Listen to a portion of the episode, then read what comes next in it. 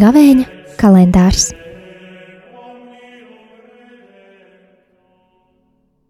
Divdesmit astotais marts, pirmdiena.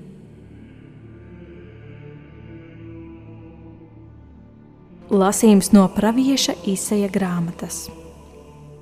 Tā saka kungs, redzi, es radu jaunas debesis un jaunu zemi, un agrākais vairs netiks pieminēts, un neienāks vairs prātā.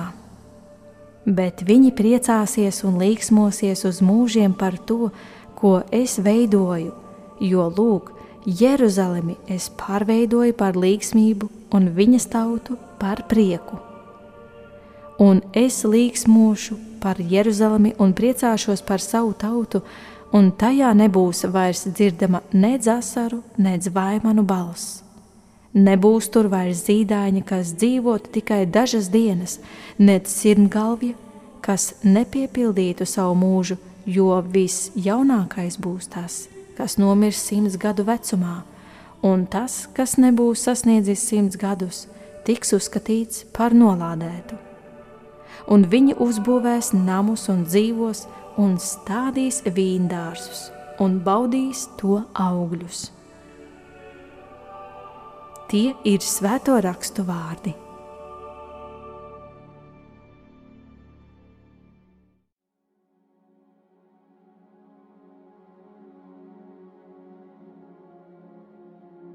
Darbie draugi, mani sauc Priesteris Rodions Doļa, un šodien mēs kopā ejam lielā gavēņa ceļu. Baznīca šodien mums dāvā kā ceļa stiprinājuma maizi izvilkumu no pravieša izsē grāmatas. Tā saka kungs, redzi, es radu jaunas debesis un jaunu zemi. Mūsu ticības apliecība mēs sakām, ka ticam uz Dievu, debesu un zemes radītāju. Tāda ir patiesība, kādu mums atklāja svētie raksti jau pirmajā Bībeles lapusē. Dievs radīja debesis un zemi. Taču Dievs radītājs nav kādreiz radījis šo pasauli un to atstājis novārtā. Dievs turpina to radīt savā gara spēkā, jo Dievs radītājs ir vienmēr radošs. Dievs turpina radīt šo pasauli, un kaut gan tā ir kritusi grēkā, Dievs izgājis savai tautai pretī, sūtot savu dēlu, lai atjaunotu šo pasauli cer viņa krustu un augšām celšanos. Grēkā kritusi cilvēce, cer psalmista vārdiem: Lūdz, Dievs, atjauno mani stipru garu, radi manī šķīstu sirdi. Šo psalmu mēs tik bieži lūdzamies lielajā gavēnī. Šis ir grēku nožēles psalms, taču tas ir psalms, kas sauc pēc gara, kas atjauno visas lietas, atjauno to, ko ir skādis grēks. Domāju, visi no mums ir kādreiz redzējuši slaveno Mēla Gibsona filmu Kristus ciešanas, un daudzi no mums atkal no jauna to noskatīsies līdz lieldienām. Tajā ir viena epizode, kurā attēlots Kristus nokritis zem krusta pirmo reizi, satiek savu māti, kas piekļaujas viņa izkropļotajai, asiņu klātajai sējai. Tajā brīdī ievainots, sakropļots Kristus saka mātei: Māte, lūk, es radu visu jaunu. Kaut gan šāda epizode nav atrodama svētajos rakstos, tomēr tā mums vēsti dziļu teoloģisku patiesību, ka Kristus caur savam ciešanam un krustu, rada visu jaunu. Cilvēces atjaunošanas darbs turpinās caur Kristus ciešanam, līdz kādreiz viss pilnība tiks atjaunots viņa augšām celšanās spēkā.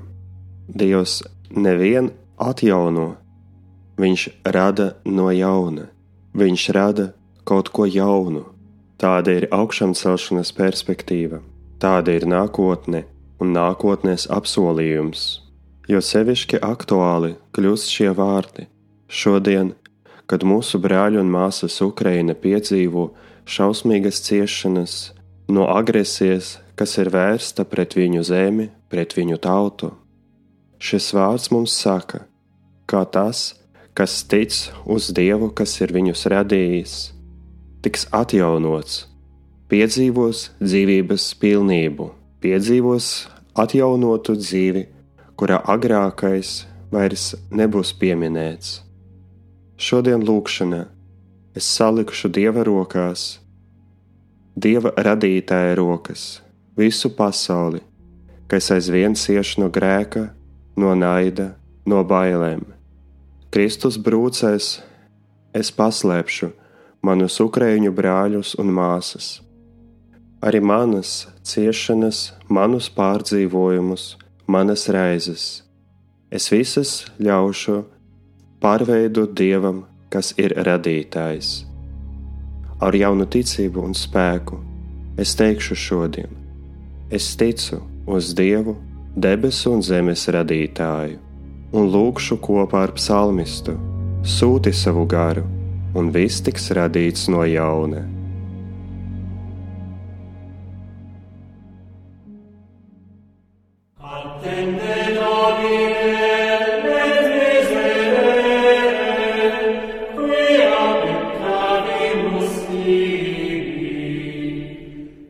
Gavēņa kalendārs.